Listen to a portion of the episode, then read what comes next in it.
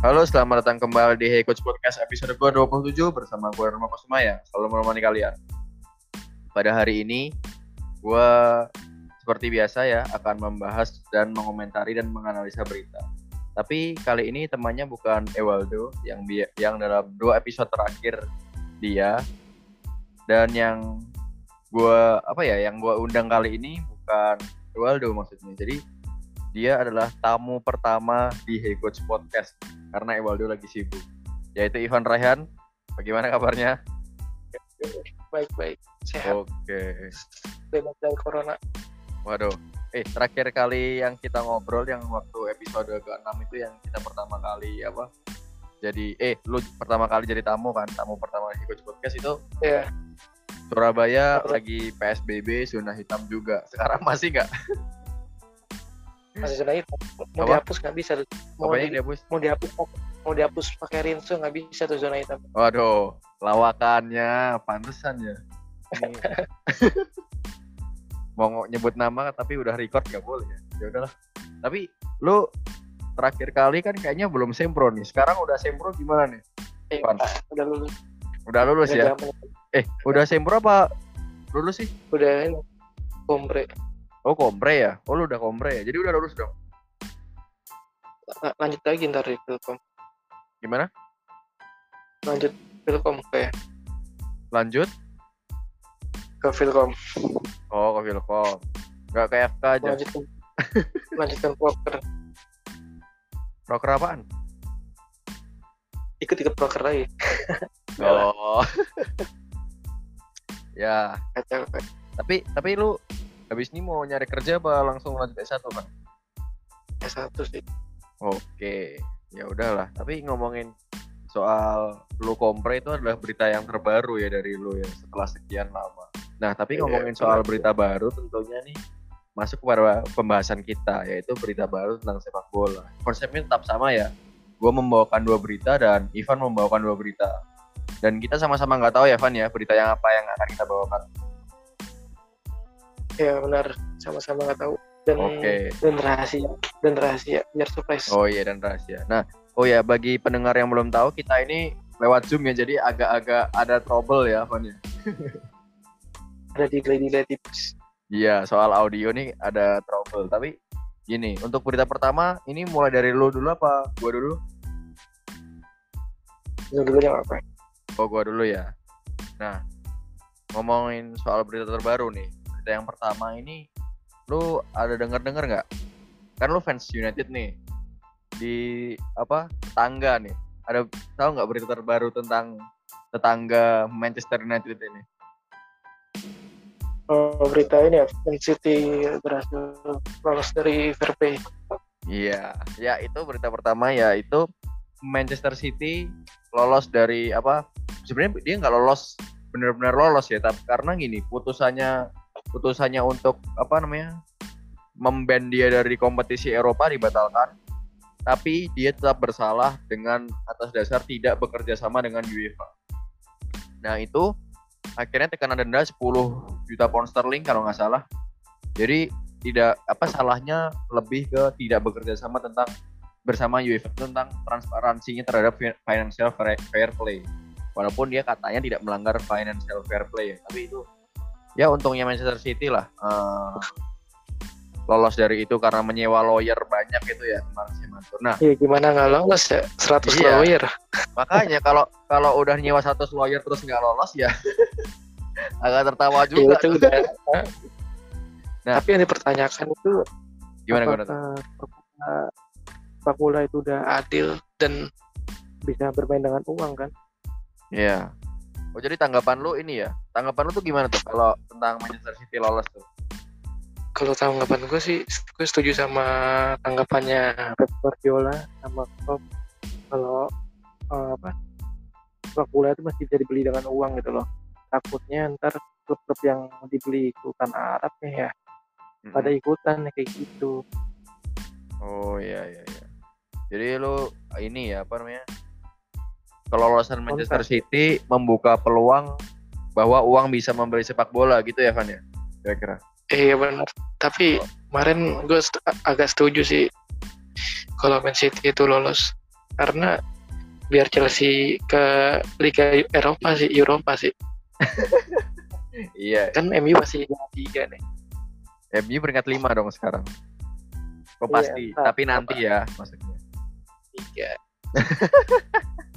Oke lah, kita nanti akan bahas MU. Tapi tapi ngomongin soal lu tadi apa berta- beranggapan bahwa lu setuju dengan Klopp sama Guardiola. Nah, di sini juga Mourinho komentar dengan keras nih, Van. Yaitu dia bilang kalau keputusan ini sangat memalukan katanya. Karena kalau misalnya Manchester City tidak bersalah ya nggak usah dikasih denda.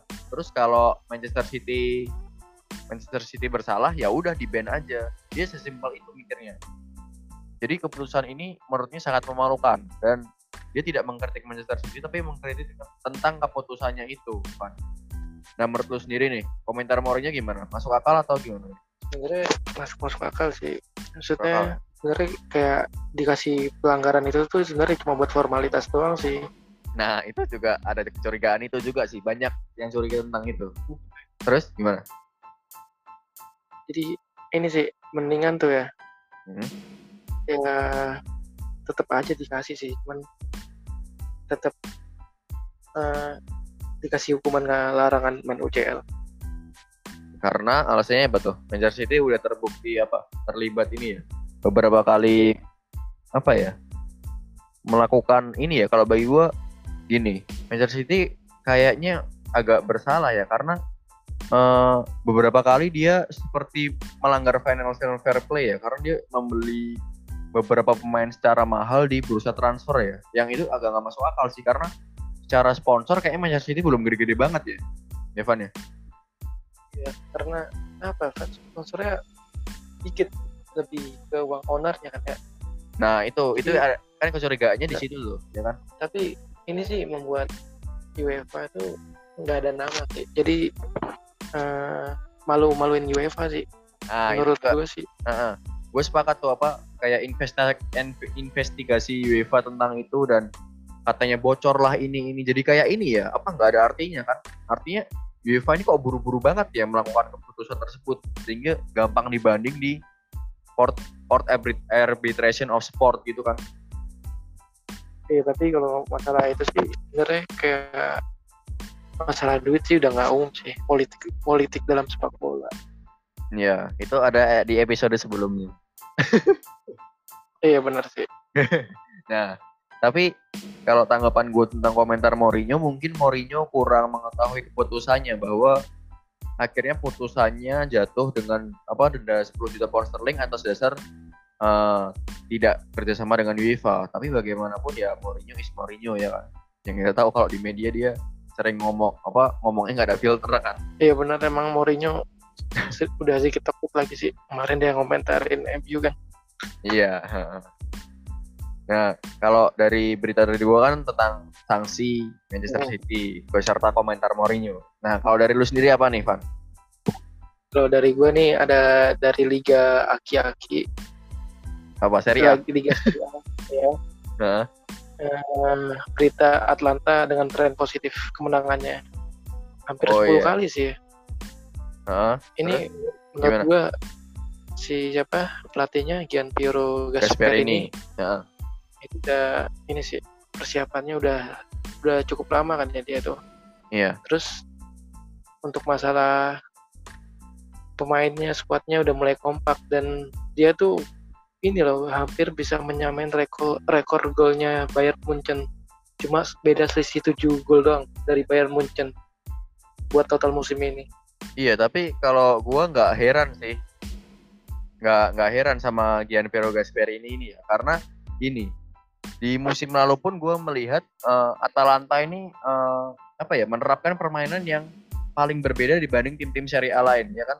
Karena tim-tim Serie A lain yang beda bisa kita kita hitung jari. Musim ini musim ini saja bisa gue bilang yang berbeda itu cuma Juventus sama Inter Milan dari cara main yang berbeda dari cara menyerang dan Atalanta ini permainannya paling menyerang di Serie A bener nggak Van? Iya sih benar. Terus ini sih apa? Karena tapi gue nggak eh, ini sih nggak terlalu merhatiin permainan Atlanta ya nggak Hmm. nggak sering nonton itu. Belum menurut lo apa tuh yang membedakan?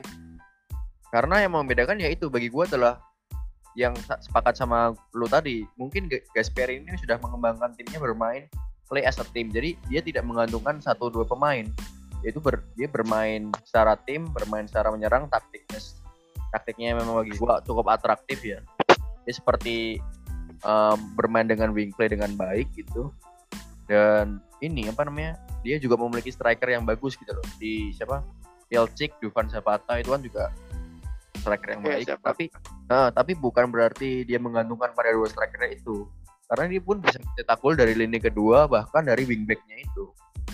Dan yang perlu kita ingat, yang perlu kita ingat juga Van, beberapa kali dia menang ini loh. Skor lebih dari 4 gol kan. AC Milan dibantai 5-0 terus beberapa kali tim-tim lain juga merasakannya ya kan. Ya, benar-benar. Ya ini sih hmm. beda dengan Crystal Palace cabang Spanyol. yang satu satu orang nah kalau kalau dari lu sendiri gimana melihat Atalanta? Apakah lu nggak nonton? Soalnya kemarin juga heboh tuh dia apa ya Juventus di obok-obok fan lu nonton nggak tuh? Iya ini sih. Nonton highlightnya doang. Cuman kalau dari gue sendiri hmm? uh, semoga konsisten aja sih buat musim depan. Terus kalau buat di Eropa di UCL-nya mereka masih belum ini sih belum bisa adaptasi ya dan uh. pemainnya jarang diincar ya sama klub klub klub top Eropa.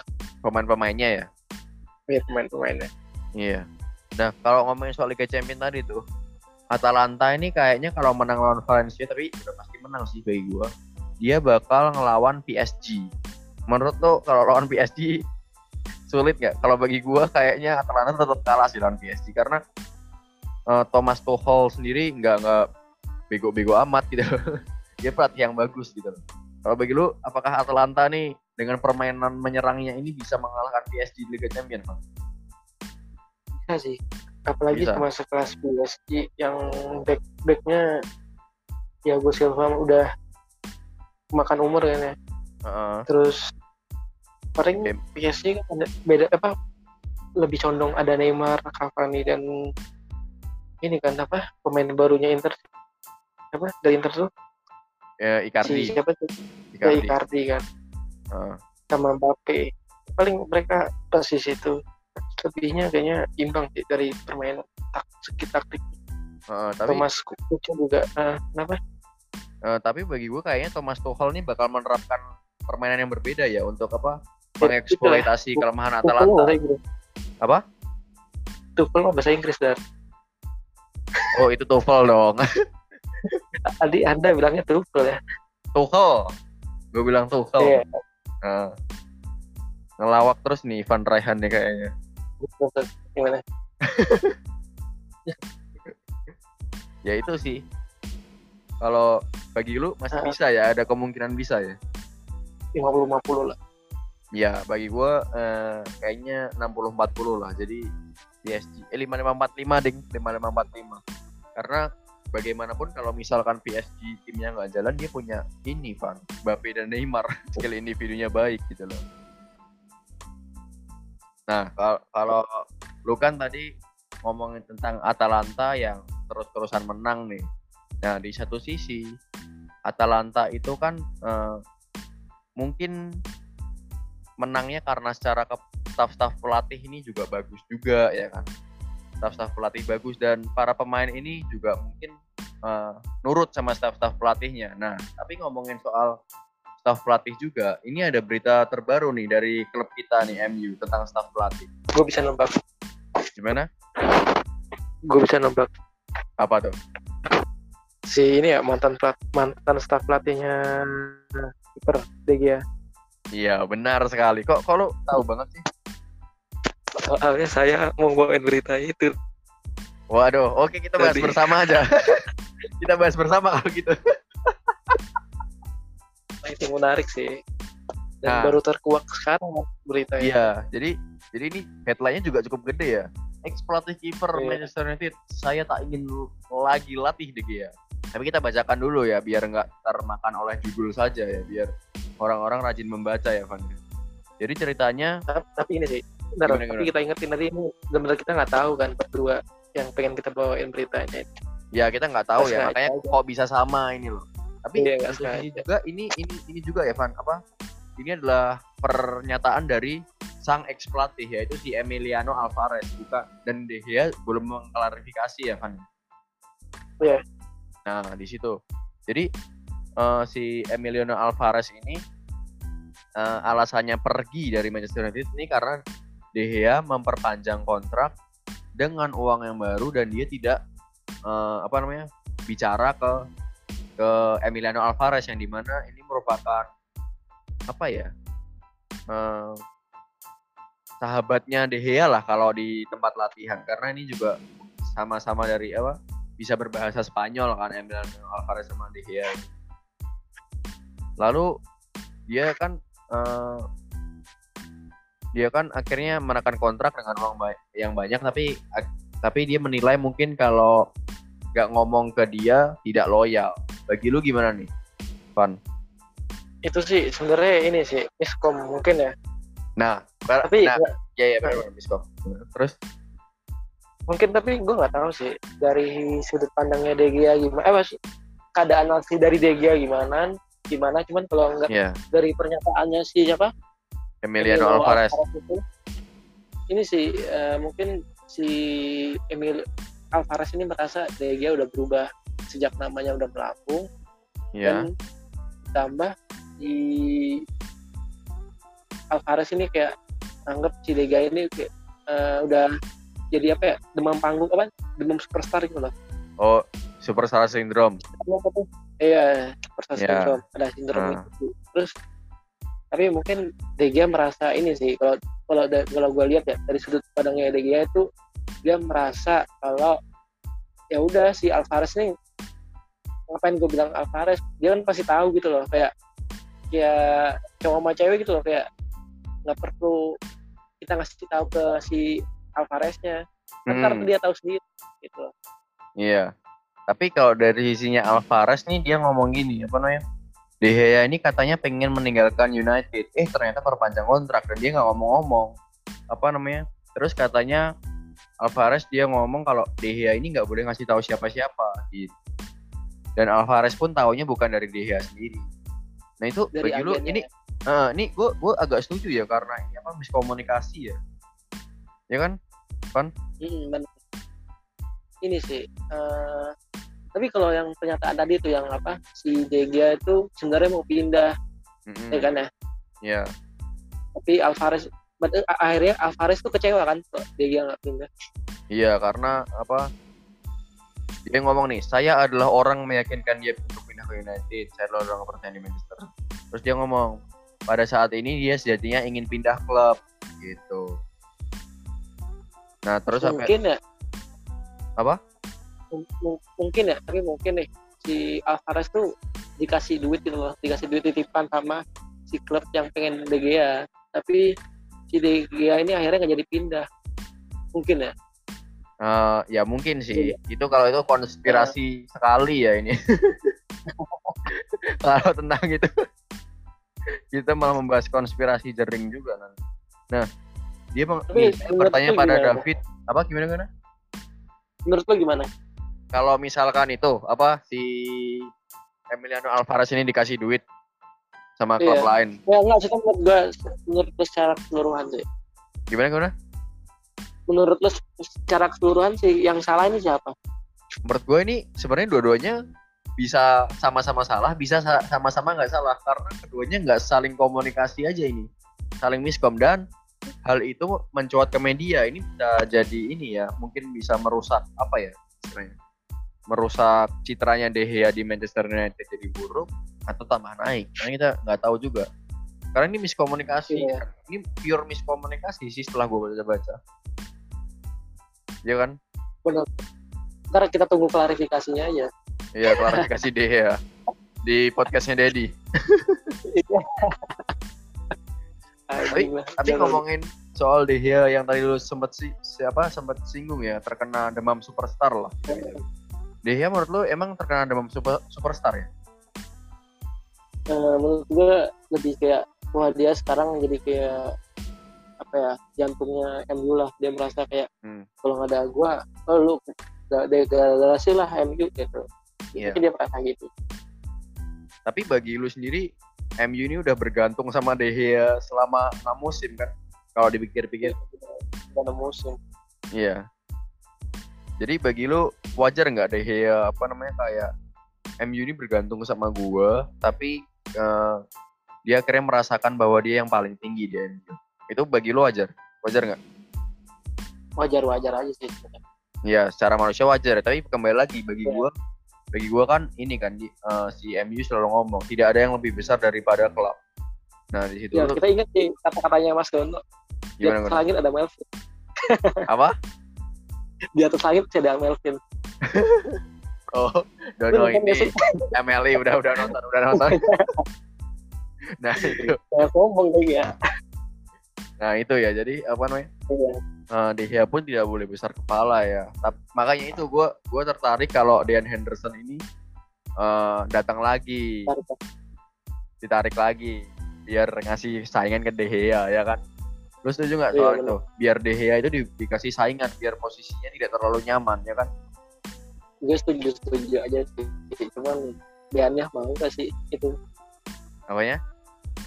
si Dian Hendersonnya mau gak sih itu Oh, kan nggak mau dong jadi pelapis dia iya. Iya sih, baik, iya itu bisa jadi sih. Nah, katanya Dean Henderson pun juga bakal jadi apa ya? Inginnya jadi nomor satu di MU. Tapi ngomong tadi kalau ngomongin soal demam-demam De Gea nih. Nah, itu eh, demam itu kan salah satu penyakit ya. Kalau penyakit kita ngubungin ke kedokteran nggak, Pak? ya boleh kan dia ini gizi beda dong Lah, kok gigi? Bukannya kedokteran biasa ya? gizi gizi gizi Apa? kan dia gizi beda dong Oh, ada banyak ya sekarang ya. iya ada lah. banyak Nah, kalau dari kita kayak dari gua itu udah cukup. Kalau dari lu ada nggak, Van? Tambahan lagi. kalau dari gue sih ini sih gue pengen bawain cerita ini deh siapa yang bakal ah UCL race UCL race siapa yang bakal UCL yang bakal juara UCL. bukan yang maksudnya yang dapetin uh, slot UCL di Liga Inggris di Liga Inggris. Ya udah, kalau dari lu siapa? Liverpool City coret dari udah udah udah ini soalnya, udah pasti lolos. dari gue sih ini sih ya di luar fans MU MU sama Wolf Wolf sih MU sama Wolves. Heeh. Kalau kenapa tuh alasannya kok kok ada Wolves? Kalau MU gak usah kita tanya ya, tapi kalau Wolves kenapa? Wolf itu poinnya 56 ya sekarang ya Apanya? kalau Wolves itu sekarang poinnya 56 kan ya Iya, Kalau nggak salah salah ya. peringkat peringkat 6 kalau nggak 7 juga. Poinnya 56 ditambah kan masih ada tiga sisa kan Iya, iya. kalau misalnya kali tiga tuh 9 tuh Milan. Oh. Jadi- 65 kalau firasat gue sih Leicester itu bakal kepleset di sama Chelsea apalagi kan Chelsea itu ada lawan Wolves sama sama ini ya sama Liverpool masalah Wolves pasti ket- ketemu sama Liverpool ya? iya pasti terus Leicester kan masih ketemu sama ini kan ketemu MU juga. MU. di akhir. Nah kalau bagi gue gini, gue kalau menganggap Wolves mungkin nggak nggak bakal masuk Champions sih, karena gini, secara permainan dia itu apa ya, kayak nggak nggak atraktif, dia pragma- pragmatis banget, dia nyari serangan balik. Jujur gue tidak terlalu impress dengan permainan Wolves, walaupun pemainnya gue banyak yang kagum kayak Raul Jimenez, Ruben Neves, terus siapa lagi tuh, Matt Doherty. Dan berarti faktor eh mungkin serak mungkin lebih ini apa namanya melakukan apa ya? Serang counter attack-nya cukup bagus karena memang taktiknya Wolves mungkin counter attack yang cukup baik gitu loh. Kalau bagi gue ya. Secara permainan mungkin bisa jadi dia eh, di bawahnya si Chelsea dan MU nah kalau Leicester kayak kalau MU ya jelas gue karena fans MU gue tapi gini kenapa gue pilih fans kayak kayak ini gue ngomongin ke kalau lo kan tadi Wolves sama MU nih dua slot. Kalau dari gua gua MU sama Chelsea. Karena gini kenapa gua pilih MU di atas lain fans MU ya? Itu karena MU permainannya paling atraktif walaupun ini gua ya paling bagus. Eh, atraktif belum tentu ya. Tapi ini kenapa eh, si MU walaupun kemarin barusan draw ya. Ya Lontrol itu Iya. itu anu gue tapi gue mau cerita dikit tuh. Gimana gue kan lagi streaming. Gue lagi Streaming. streaming kan ya. nah itu selesainya jam 4 kan jam 4an iya kurang iya iya Heeh. gue kan streamingnya lewat HP tiduran di sofa nih. Terus eh, menit gue udah mulai ketiduran tuh pas Pogba apa eh Bruno udah mau diganti kan Hmm. gue udah bosen nih enaknya gue udah mulai ketiduran dikit-dikit terus pas menit 90 tuh gue bangun lagi kan. Ya wah masih belum selesai nih gue nonton. Eh si Bru si William cedera tuh kan si Brandon iya iya iya. Nah gue punya feeling nih anjing kalau kebobolan gimana ya? Gue ditambah kan tuh menit menitnya sampai 97 iya sembilan tujuh sembilan tujuh. Kalau- iya. terus habis itu makin deg-degan kan ya. Feeling gue kayak bener gitu kan ya. Terus habis itu ya bener aja kan kebobolan. Tapi tapi di luar itu itu di luar, di luar itu gini ya lu mengira nggak kalau MU bakal draw? Atau kehilangan poin lah istilahnya? Iya itu nggak nggak nggak nggak ini sih nggak nggak mengira ya? nggak bakal nyangka sih. Iya, kalau udah udah mau oh. Menit 96 nih gue mau matiin kan. Ya udah hmm. gitu. Kalau kalau terba- kalau lu kan ke- kekira nih. Kalau tiba terbanding balik sama gue gue udah ngira Hmm. kalau MU ini bakal ngedrop poin walaupun gue nggak tahu kapan.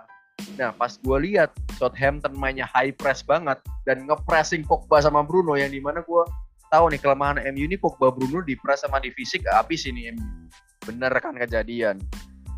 Hmm. karena gini lu kalau ngelihat MU starting line up-nya sama mulu kan? Itu Iya. itu pasti udah jelas capek gitu loh. Sedangkan Oleh bagi gue masih belum punya plan B. Itu sih belum bisa dia merotasi pemain belum bisa nih dengan sistem of play-nya dia dan tetap bermain sama ya itu masih belum bisa. Nah tapi kenapa gue pilih MU nomor nomor berapa? Eh, peringkat 4 karena Tiga. Yang eh, peringkat peringkat 4 atau 3 ya pokoknya masuk Liga Champion. Karena gini MU ini kayaknya setelah ini bakal ngotot habis-habisan walaupun lawannya ini dia agak berat nih ada nah Crystal Palace ada Chelsea kan di semifinal. Ini gue masih nggak tahu nih apakah Ole mau rotasi pas lawan Chelsea di semifinal FA Cup? Nah agak belum tahu juga. Kalaupun misal nanti main lawan Chelsea dia nggak rotasi wah gila nih bisa apa namanya bisa capeknya kebangetan nih terus masih main dengan starting line yang sama ya kan? Kalau West Ham lewat nah Leicester nih yang akan penentuan karena ya. ini gimana? Tapi di luar itu bagi gue gue pilih MU karena permainannya paling bisa dibilang paling baik lah dibanding Leicester dan Chelsea. Setuju setuju. Nah, kalau Chelsea gue pilih karena Chelsea ini bagi gue Chelsea cukup atraktif ya di di bawah Lampard ini. Di luar itu dia walaupun dia masih ketemu Liverpool nih ternyata, ya kan? Dan ketemu Wolves. tapi Liverpool ini bisa-bisa ini antara ngetrol dia bantu MU eh bantu Chelsea. Chelsea apa dia serius. Heeh. Nah karena gini Liverpool nih nggak tahu nih mau rotasi pemain apa enggak gitu. Tapi dari Chelsea gue yakin karena dia bisa lolos karena dia permainannya cukup atraktif sih. Walaupun dia agak-agak inkonsisten ya dalam beberapa pertandingan kan. Kemarin dia lawan Norwich, Norwich bagi gue main jelek. Main gak bagus lah. Walaupun akhirnya tetap. Terus main jelek lawan Sheffield. Nah itu sebenarnya bisa dimanfaatkan. Tapi kenapa dan yang paling bawah ini Leicester gue nggak nggak setuju kalau Leicester lolos karena permainannya paling paling average permainan papan tengah banget ini. Mainnya mainnya biasa aja nothing special. Kecuali Jamie Vardy sama siapa? Madison. Madison bagi gue biasa aja. Tapi si ini loh Yori Telemang. Oh iya, iya. bagus. Tapi kemarin tuh golnya Fardi juga hoki sih. Yang pas menang nggak salah.